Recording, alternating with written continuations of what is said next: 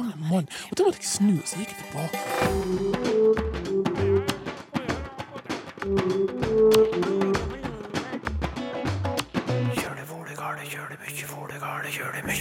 Det er ikke enkelt med simpelt. Og av og til så må jeg også klø meg litt i huet. Jeg fant en avisoverskrift der det sto 'Simpelt å stjele blomster foran kirka'? utropstegn. For hva betyr dette ordet nå til dags? Og hvorfor havner vi hos kjøpmann Hips som haps? I diktet Lille Tone Godtegryn, som gikk en liten tur i byen. Og der kunne hun få både rips og drops og graps. Vel møtt til Språkteigens sommermiks. Vi starter med et aldri så lite svermeri i dag, og vi skal tilbake til rundt 1900. Da møttes besteforeldra til Inger Flesland Strass på folkehøgskole på Voss. De skrev brev til hverandre før de gifta seg i 1903, og der skriver de at de er ute på drusp. ja. Dette ordet var ukjent for meg, sier Inger, men betyr trolig flørting. Kan døkk si noe om hvor dette kommer fra, hva det betyr og om det fremdeles er i bruk, spør hun. Og det er du som skal få svare, Tor Erik Gjenstad. Ja, om det er bruka mer i dag, eh, det kan ikke svare helt sikkert på. Men iallfall det her uttrykket 'å gå på drusp', det står i Norsk ordbok. Det er forklart som å ja, altså gå på nattefrieri, men vel også ut og sverme og, og flyg med person av motsatt kjønn, da, eller eh, det kan jo være litt forskjellig i dag, men iallfall så er det det. Sånn sverming, flørting, nattefrieri. Og Norsk ordbok heimfesta det til Bjørgvin bispedømme, og det vil vel da si Vestlandet, slik at det kan være flere plasser på Vestlandet at det har funnes. Og du har verbet å druspe eller å druspa. Og det, det betyr jo òg, da, så samme som å gå på drusp, altså gå på nattefrieri, eh, være ute om kvelden og, og sverme kjæreste eller potensiell kjæreste.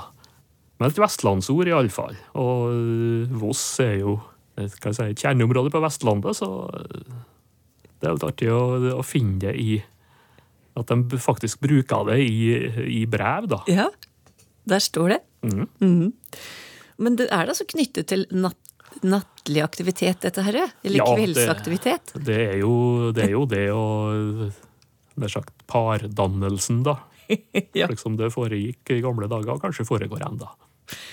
I nattens mulm og mørke, holdt jeg på å si. Ja, du vet, de, eh, det var noe mye mer hemmelighet med slikt i, i gamle dager. De skulle ikke vise det fram før det liksom var helt sikkert. Altså ut blant folk.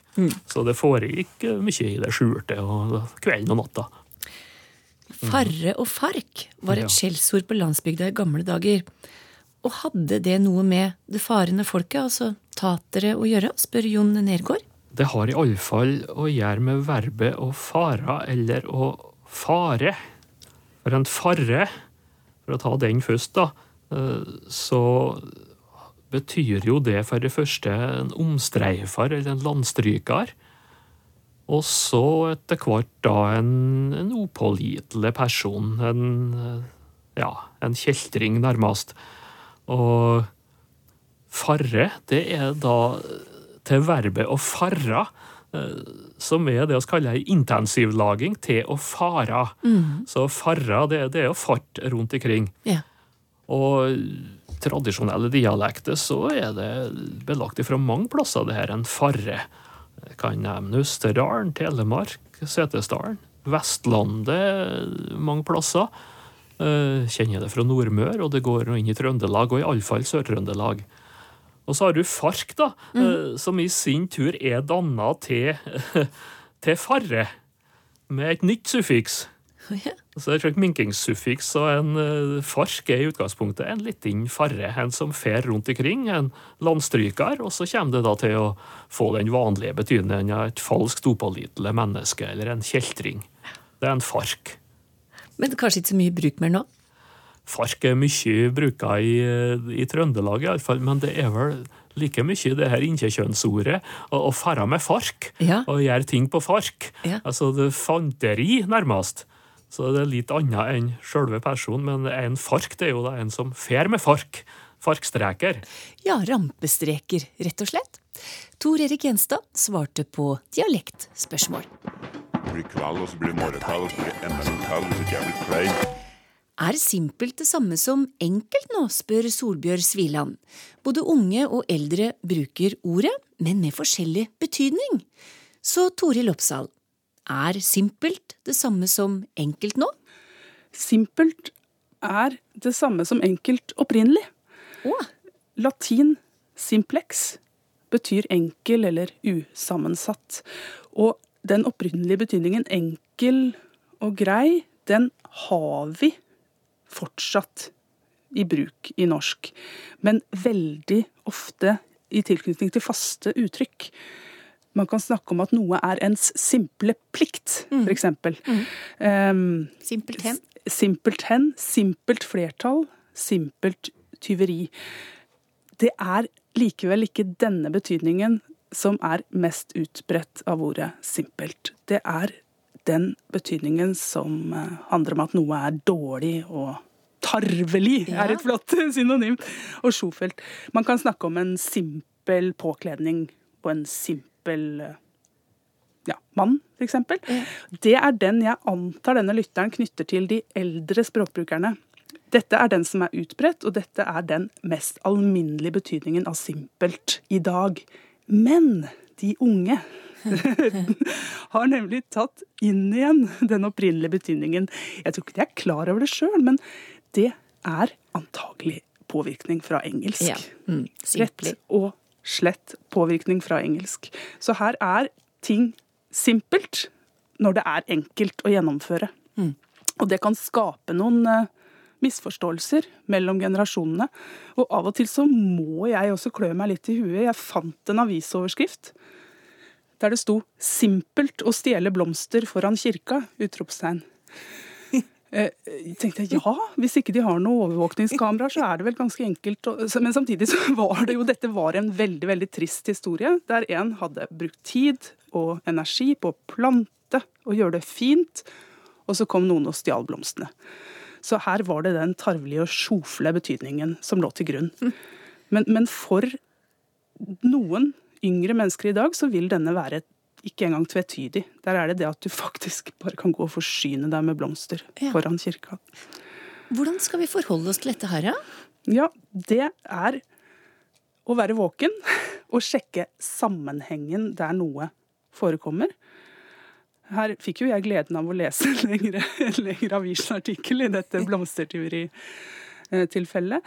Eh, Samtidig så vil jeg nok oppfordre eh, eldre til å påpeke yngres bruk av simpel. I hvert fall gjøre dem klar over at det har flere betydninger. Uten å nødvendigvis kunne stoppe det toget. Eller for å si det på en annen måte, det er ikke simpelt. ja. Hvordan lyder det når man hører skoggerlatter, spør Oddgeir Johansen. Og, og latter er greit, men skogger? ja. Hva betyr det? Jo, du, dette nå, nå var jeg litt redd for at dette var noe jeg skulle prøve å illustrere. Eh, Og det kan jeg for så vidt, men, men det hadde vært enda bedre hvis vi nå var på TV, tror jeg. For her er det snakk om å le bråkete. Altså le på en så omfattende måte at du ikke bare bråker, men du rister i hele kroppen. Det er, det er en kraftig latter. Les og du rister. Eh, Kan du se det for deg?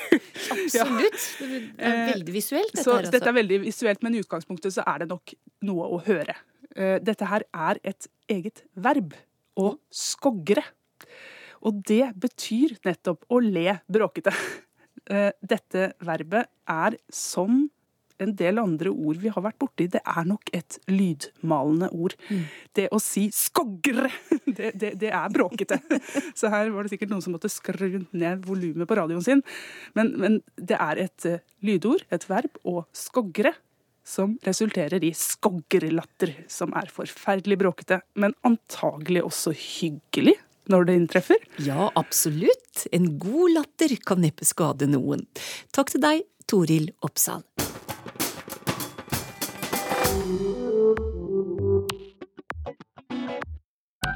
I dagens Gjenhør hører vi om hvordan språk kan redde liv i nødsituasjoner. Men hva hvis du ikke skjønner språket til den som skal hjelpe deg? Resultatene fra et språkeksperiment skal gjøre de som jobber med livredding, til bedre hjelpere i nettopp slike situasjoner. Raise up the leg. Raise. Bend the, bend the leg. Vi er midt i et eksperiment. Now carefully roll the doll towards you. I et simulert nødanrop skal en med engelsk som morsmål forklare en som ikke prater like godt engelsk, hvordan han skal legge kameraten sin i stabilt sideleie. En situasjon som godt kan oppstå i virkeligheten. Ja, det er klart. eh, Dette her er viktige spørsmål i mange sammenhenger, og man kan ikke minst tenke seg reelle nødsamtaler.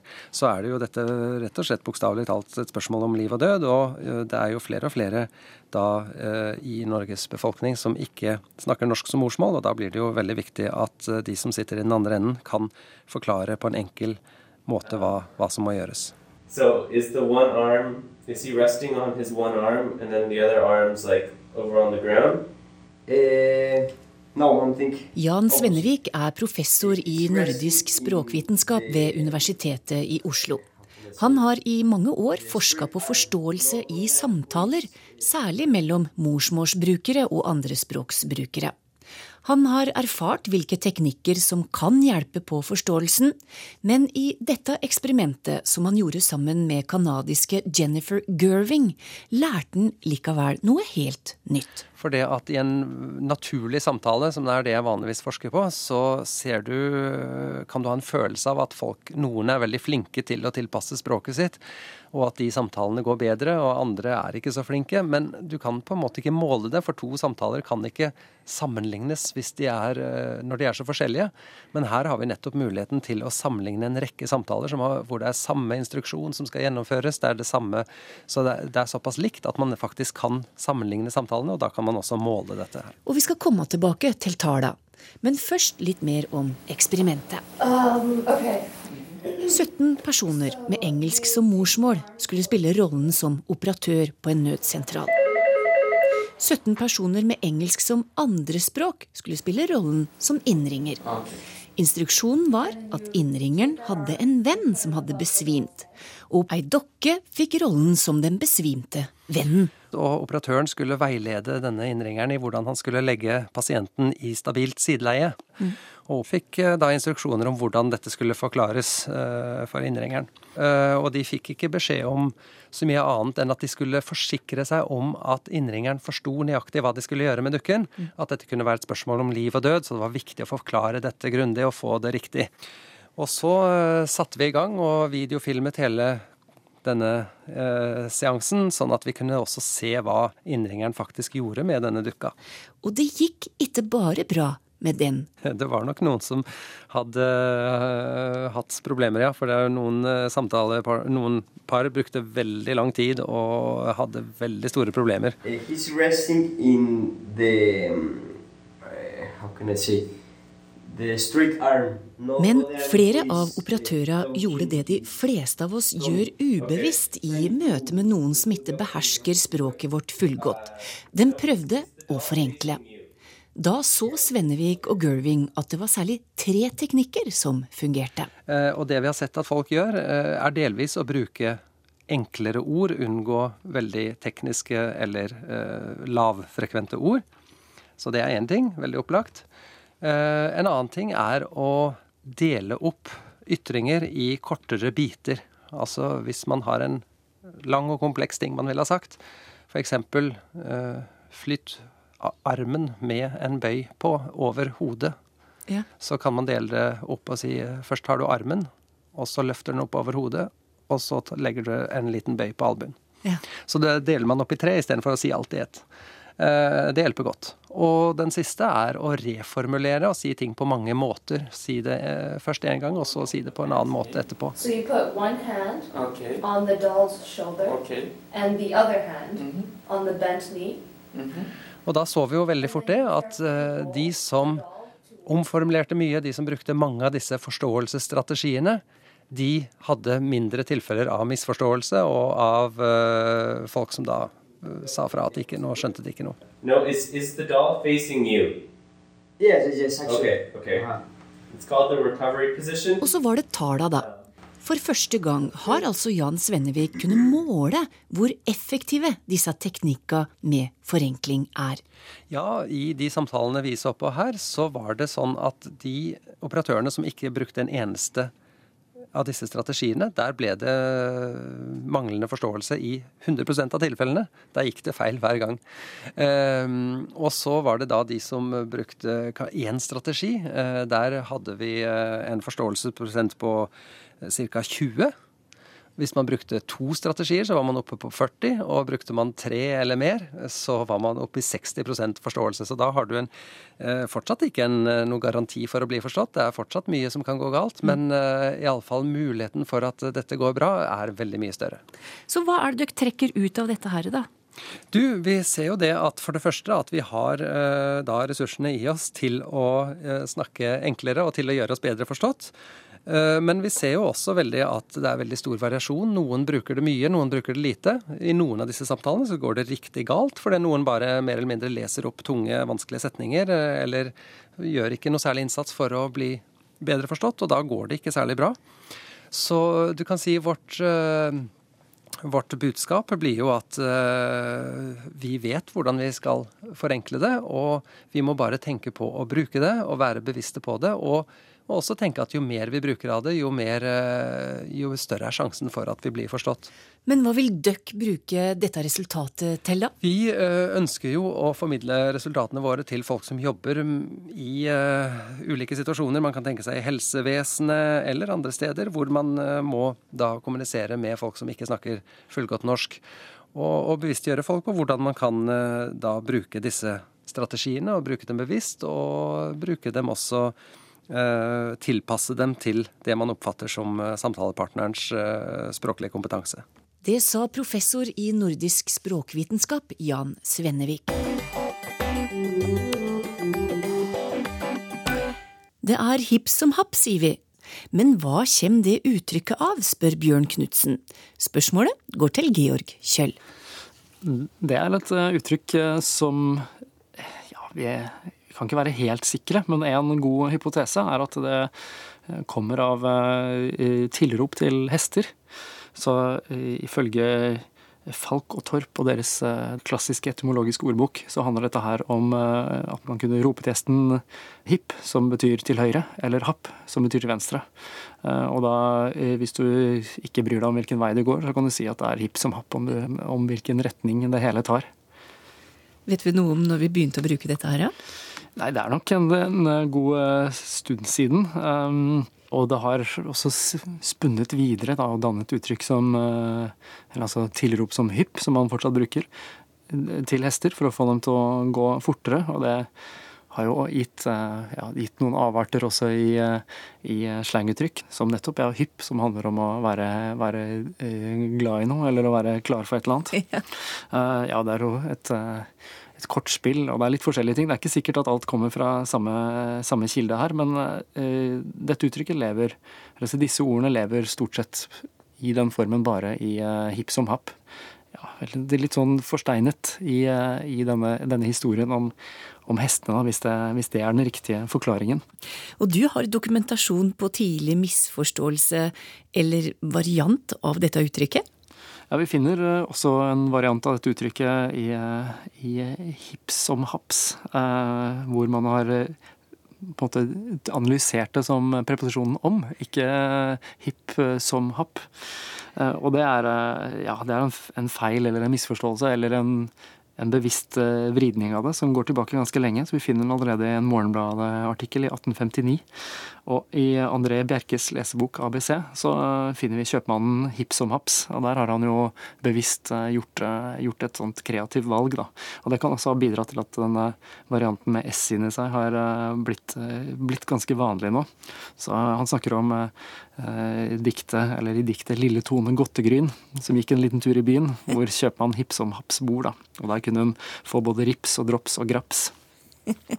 Så ja, graps er også et sånn kreativt André Bjerke-ord, men mest sannsynlig så betyr det rusk eller ja, litt sånn diverse ting.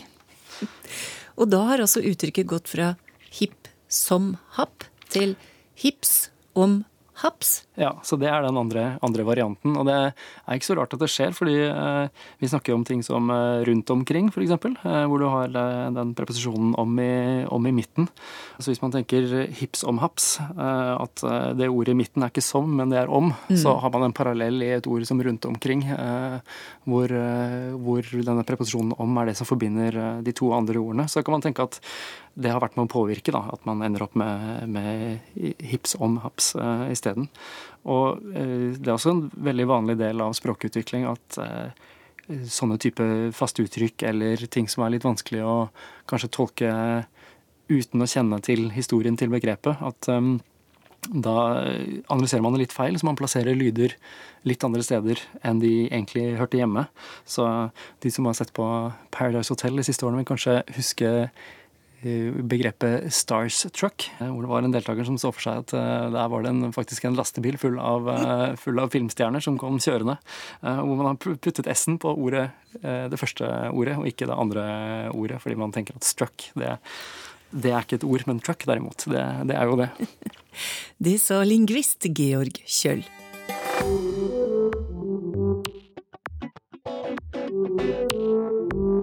Flere lytterspørsmål, og nå til deg, Sylfest Lomheim.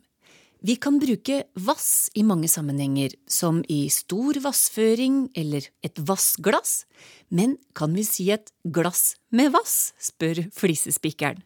Nei, da blir det et glass med vann. Ja, Fordi at eh, på bokmål så heter det jo bare vannglass og vannføring og eh, alt slikt noe. Fordi at bokmål har bare ordet vann. Mm. Og da er det ikke noe problem. Da er det vannglass og vannføring. Men nynorsk har ordet vatn, som svensk, sjølsagt.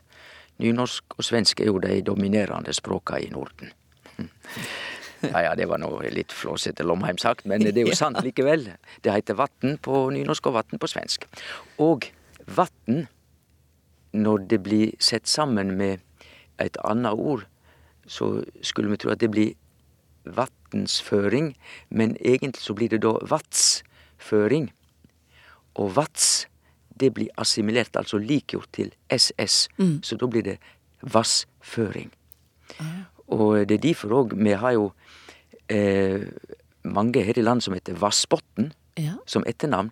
Det er da Vatsbotn, TS, Vats, som har blitt til Vassbotn. Det er jo også en del eh, navn her i landet som heter Vats. Det vil jo folk vite. Så når vi har dette med vatn på nynorsk og i føreledd vass, SS, så er det egentlig en likgjøring, assimilering av TS, Mm. som har blitt til SS. Og at det, det hører med en T der etter gammelt, det kan vi jo bare gå til verdsspråket engelsk, som da likner mer på nynorsk. For det heter jo water, Mm. med T på engelsk. Og så hører vi òg at det tyske ordet for vann, der har T og S blitt assimilert igjen, slik som i vassglass, for dette heter Wasser på tysk. ja. Så her er det fin sammenheng mellom engelsk og tysk og nynorsk og svensk. Men fordi at da dette er et glass med vass, altså der står vann helt alene, så blir det ingen eh, Nei. assimilering. Nei, for når vann står alene, så er det alene, og da er det vann. Ja. Alltid. Ja. Ordet stemme har flere betydninger, skriver Per Kyrre Reimert, som å avgi stemme ved valg. Og når noe er riktig, så stemmer det. Og tale og sang gjøres med en stemme. Og å stemme et instrument. Men har det samme opphav? Ja, egentlig alle disse døma med å stemme, eller stemme på bokmål, verbet, har eh, samme opphav. Altså det er egentlig samme verbet. Og det viser én ting. De som tror at ett ord har ei mening, og det er liksom det normale, og slik bør det være, da beklager jeg å si at slik er ikke språket. Tvert imot så er språkets vesen slik at vi finner nesten ikke ord som bare har én bruksmåte. De aller fleste ord, og spesielt vanlige ord i hverdagsspråket vårt, har flere bruksmåter. Og det skaper ikke uro og uoversiktlighet. Tvert imot så gir det oss et veldig praktisk og effektivt og fleksibelt språk. Det er derfor at eh, stemmer har så mange meninger. Men utgangspunktet er stemmer som jeg nå bruker når jeg snakker. Ja. Fordi at eh, å, å avgi stemme, eller å stemme ved valg, Ja. det er jo å oppheve røsta si. Altså ei røst, og røysta betyr også å stemme. Så det er stemmer. Og eh, når vi sier at eh, vi stemmer et instrument, så er det jo òg for å gi den, den klangen og den, den stemma det instrumentet skal ha. Mm. Så eh, stemmer har mange meninger. Men det er én bruk av å stemme som ikke har med mi stemme å gjøre. Og det er mm, i skiinstruksjon, når du eh, lærer barn å kjøre nedover. Og den enkleste svingen er bare å ta skia ut og hva heter det, å stemme mot. Den svingen heter Stem Kristiania, eller Kristiania-stemmen. Altså, du, du setter skia mot snøen og svinger. Mhm. Og der å stemme mot, eh, du kan gjøre det med vann og lage demning, der har vi en bruk av å stemme som ikke har noe med mi røst å gjøre.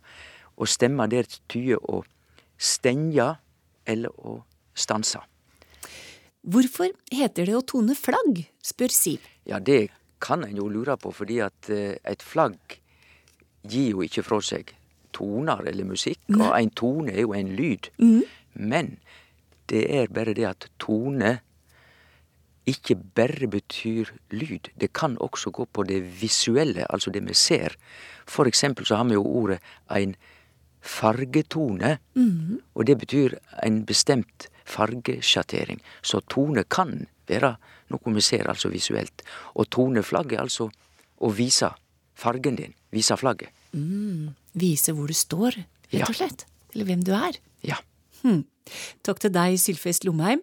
Og lurer du på noe om språket, så send oss et lite pip til teigen krøllalfa nrk.no, via Twitter eller via NRK P2 sin Facebook-side. Takk for i dag. I Språkteigen neste uke blir det krevende for programlederen. Jeg håper du er i form, Torunn, for da må du springe litt. Og det er ikke bare kondisen som skal testes. Husker du hva ustemt er, Torunn? Du kan liksom prøve å legge hånda på strupehodet og kjenne der hvor stemmebåndene vibrerer. Det er lytternes egne spørsmål som krever innsats, og programlederen bidrar så gjerne. Men de gode svarene får du av våre faste språkvitere, og dem er på plass igjen om ei uke.